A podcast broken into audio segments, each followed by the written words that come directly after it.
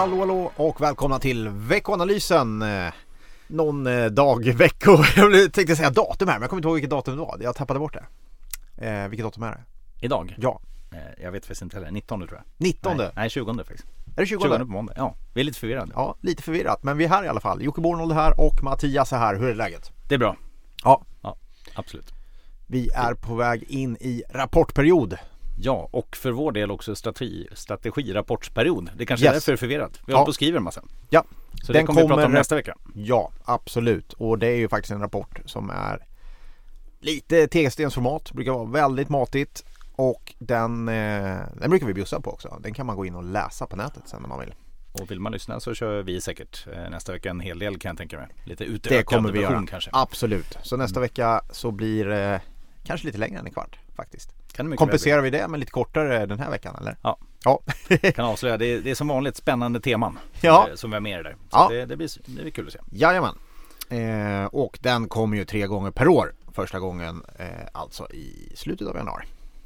Men det blir nästa vecka. Hur eh, känns det med att fas 1-avtalet är påskrivet och klart? Känns bra? Kän, eh, känns bra. Nu vill man ju veta vad, vad fas 2 innebär. Ja, Eh, nej men fas 1 är väl någonting som har liksom Ja det är 86 sidor långt och de har hållit på i några år. Eh, har dock ändå gått ganska fort. Eh, samtidigt så naturligtvis så får vi se om man håller sig till det. Det är väl Just det. Eh, Alltså om man tittar Trumps historik som har ju frångått tidigare ingångna avtal. Ja. Till exempel med Mexiko. Så att vi, vi får väl se. Men det är väl initialt positivt. Världen har ju under två års tid drabbats av den här handelskonflikten och kan det dämpa det lite grann och kanske få igång handel och därigenom ekonomier lite grann så är det väl jättepositivt. det som känns klart positivt är ju ändå att man faktiskt kan nå ett avtal. Ja. Eh, att man är inte längre ifrån varandra än så. Det verkar ju ha varit konstruktiva samtal och de har också lett fram till ett avtal. Det är positivt. Eh, och kanske kan det skingra lite orosmoln. Eh, det syns tydligt i alla fall i eh, växelkursen om man ska kolla på den. Eh, mellan yenen och, eh, nej inte yenen, yuanen och eh, den amerikanska dollarn. Där den kinesiska valutan har stärkts ganska kraftigt. Jag tror 2,5% bara på någon vecka eller en vecka. Japp. Och det tycker nog Donald Trump är positivt i alla fall. Ja Helt absolut. klart. Ja eh, absolut. Det har man ju liksom varit orolig för att man Alltså i och med att den hamnat över den här psykologiskt viktiga 7 nivån på yuanen mot, mot dollarn då, så har man ju varit lite orolig för att det här är en slags devalvering och som ska gynna kinesisk ekonomi och som, som eh, drabbar alla andra. Men nu så, eh, så faller det tillbaka och vi får se här nu om sentimentet eh, ökar totalt sett. Eh, men det, man, man får ju en känsla av det naturligtvis. Sen kommer naturligtvis nu initialt rapportsäsongen vara i fokus och sen kommer det amerikanska valet och sen så kommer det säkert tillbaka med det här fas 2-avtalet som någon gång skrivs på därefter. Eh, men eh, det är ju många stora knäckfrågor kvar i, i avtalet. Ja. Men fokus lär börja så smått flytta över från handelskrig till amerikanskt presidentval får man nog anta. För det är på väg nu. Snart har vi primärval och så vidare. Och eh, då lär det skrivas allt mer om det amerikanska valet. Vi och även vi lär prata om det. Det lär vi säkert, Säkert, göra. Vi en flyttar fram del. det lite men Jajamän. det lär vi göra. Eh, Det lär bli mycket presidentval under året och det är viktigt. Och ska vi repetera varför det är viktigt? Jo, amerikansk ekonomi är fortfarande helt avgörande för hur egentligen världsekonomin mår. Ja. Sen kan man ju tycka att i och för sig det är andra saker som påverkar amerikansk ekonomi än bara eh, den amerikanska presidenten. Men det är ju Mm. ändå det är ju största mediecirkel som man kan Ja. liksom, man har vart fjärde år. Yes, så att eh, det, det lär vi dras med. Så vi lär väl eh, återkomma till det. Men någonting annat som är riktigt aktuellt det är ju rapportperioden. Och eh, den drar igång nu får man väl säga på riktigt. I, ja, när man lyssnar på det här då har Sandvik redan kommit. Eh, vi spelar in det här måndag eftermiddag. Och Ja. eh, tisdag morgon så kommer Sandvik med sin rapport. Eh, och det blir rätt spännande att få en bra konjunkturmätare direkt då. Ja, det är ju verkligen alltså om man tittar, det är ju exporttunga industribolagen som, som liksom i slutet av åren drev mycket av börsutvecklingen och där får det inte komma allt för stora negativa överraskningar och det kan man ju vara lite, lite osäker på eftersom liksom om man tittar på förra kvartalet så var det ju mycket alltså svag orderingång, eh, resultat som är helt okej men mycket drivet av till exempel i Sandviks eh, fall av valutavinster. Eh, Så att vi får väl se hur, hur bra det har fortsatt.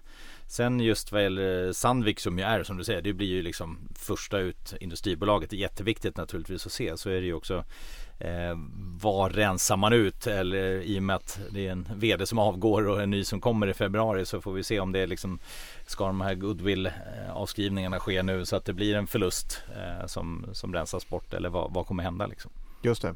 Man har eh, sen eh, Q3-rapporten har gått upp eh, 13 procent. Så det har varit en ganska bra mm. trots eh, motvind i eh, order eh, på ordersidan och eh, försäljningssidan. Ja, eh, och man kan ju inte säga att vinsterna riktigt har hängt med eller vinstestimat utan det är, det är ju högre vinstmultiplar. Det är dyrare att köpa ja. Sandvik idag än tidigare. Yes. Och det gäller ju egentligen hela sektorn. Sandvik har ju inte varit den bästa på, i verkstad inte utan det, det finns, ju, finns ju andra. Som andra som gått ännu bättre ja. Bättre. Eh, Björn Rosengren eh, VD går till ABB. Mm. Eh, det är klart eh, negativt får man väl ändå säga. Han har gjort det väldigt bra i Sandvik. Ehm, vi får se, det blir spännande med en eh, efterträdare som är lite anonym får man väl säga men som eh, plockas från Assa Abloy. Det får vi se, det blir spännande att följa den men en väldigt bra värdemätare på hur svensk industri mår brukar det vara i alla fall med Sandvik. Ja, och som sagt eh, väldigt viktigt vad gäller valutan. Sandvik är ju en av de som är stor vinnare på en svag krona och det har vi haft nu under en längre tid. Eh, jag tittade lite grann kort på vilka bolag det är som, eh, som påverkas mycket av, av det. Och om man tänker sig en, en 10% svagare krona, vilket ju varit ungefär de senaste två åren per ja. år. Alltså.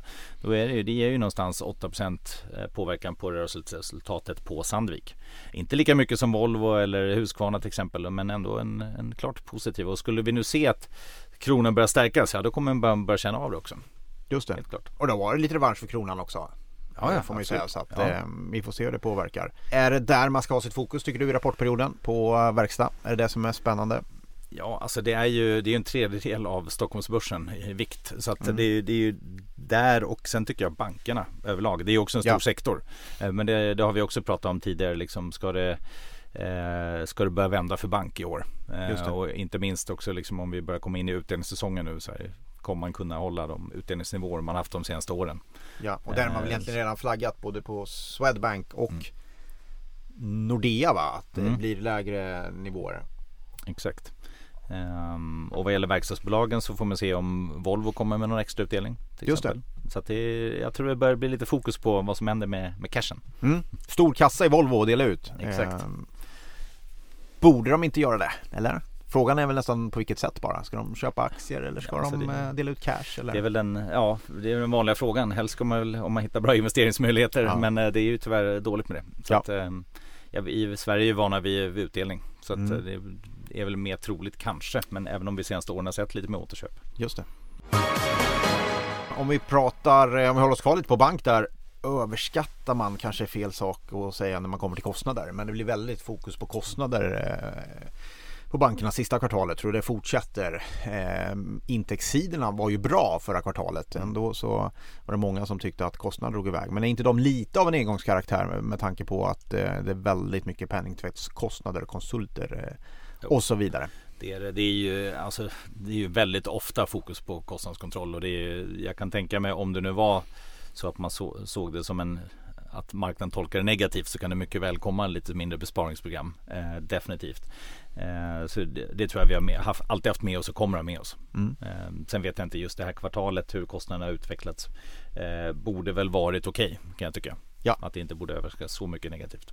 Just det. Vi, vi, vi får, den som väntar får se helt enkelt. Kul med rapportperioden igång i alla fall. Ehm, förra veckan, vad hände det något spännande då? Rätt mycket inflation va? Ja absolut. Eller jag vet inte om det var mycket inflation men det var mycket information om inflation. Också, vi fick ju faktiskt lite om vi bara avslutar rapportsäsongen. Vi fick ju lite amerikanska bankrapporter också. Mm. Det kan vi återkomma till senare i och för sig. Men det, men det såg väl hyfsat ut. Ehm, Morgan Stanley kom med en riktigt bra rapport. Mm. Goldman lite blandat med lite engångseffekter. Ja. Ehm, men ändå bra siffror. Ja. Så det, där kommer det ju faktiskt. Ehm, och de är ju rätt börspåverkade och så. Och det är klart det blir bra då. Också. Det märks att ehm. eh, amerikansk ekonomi går bra. Ja. Eh, helt klart. Eh. Men om vi, om vi kikar då på inflation. Så ja. att jag hoppar in emellan det där. Mm. Men eh, konsumentprisinflationen, ja den kommer ju för eh, eh både USA och i Sverige. Och eh, i princip som förväntat. Så eh, tittar man i USA hamnar på 2,3 procent i linje med föregående mätning.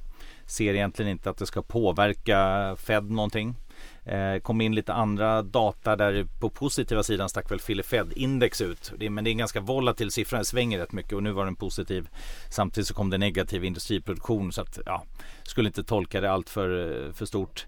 Detaljhandelsutveckling ganska bra. Så att ja. eh, sammantaget en blandad bild som inte ändrar liksom huvudspår på något sätt i USA.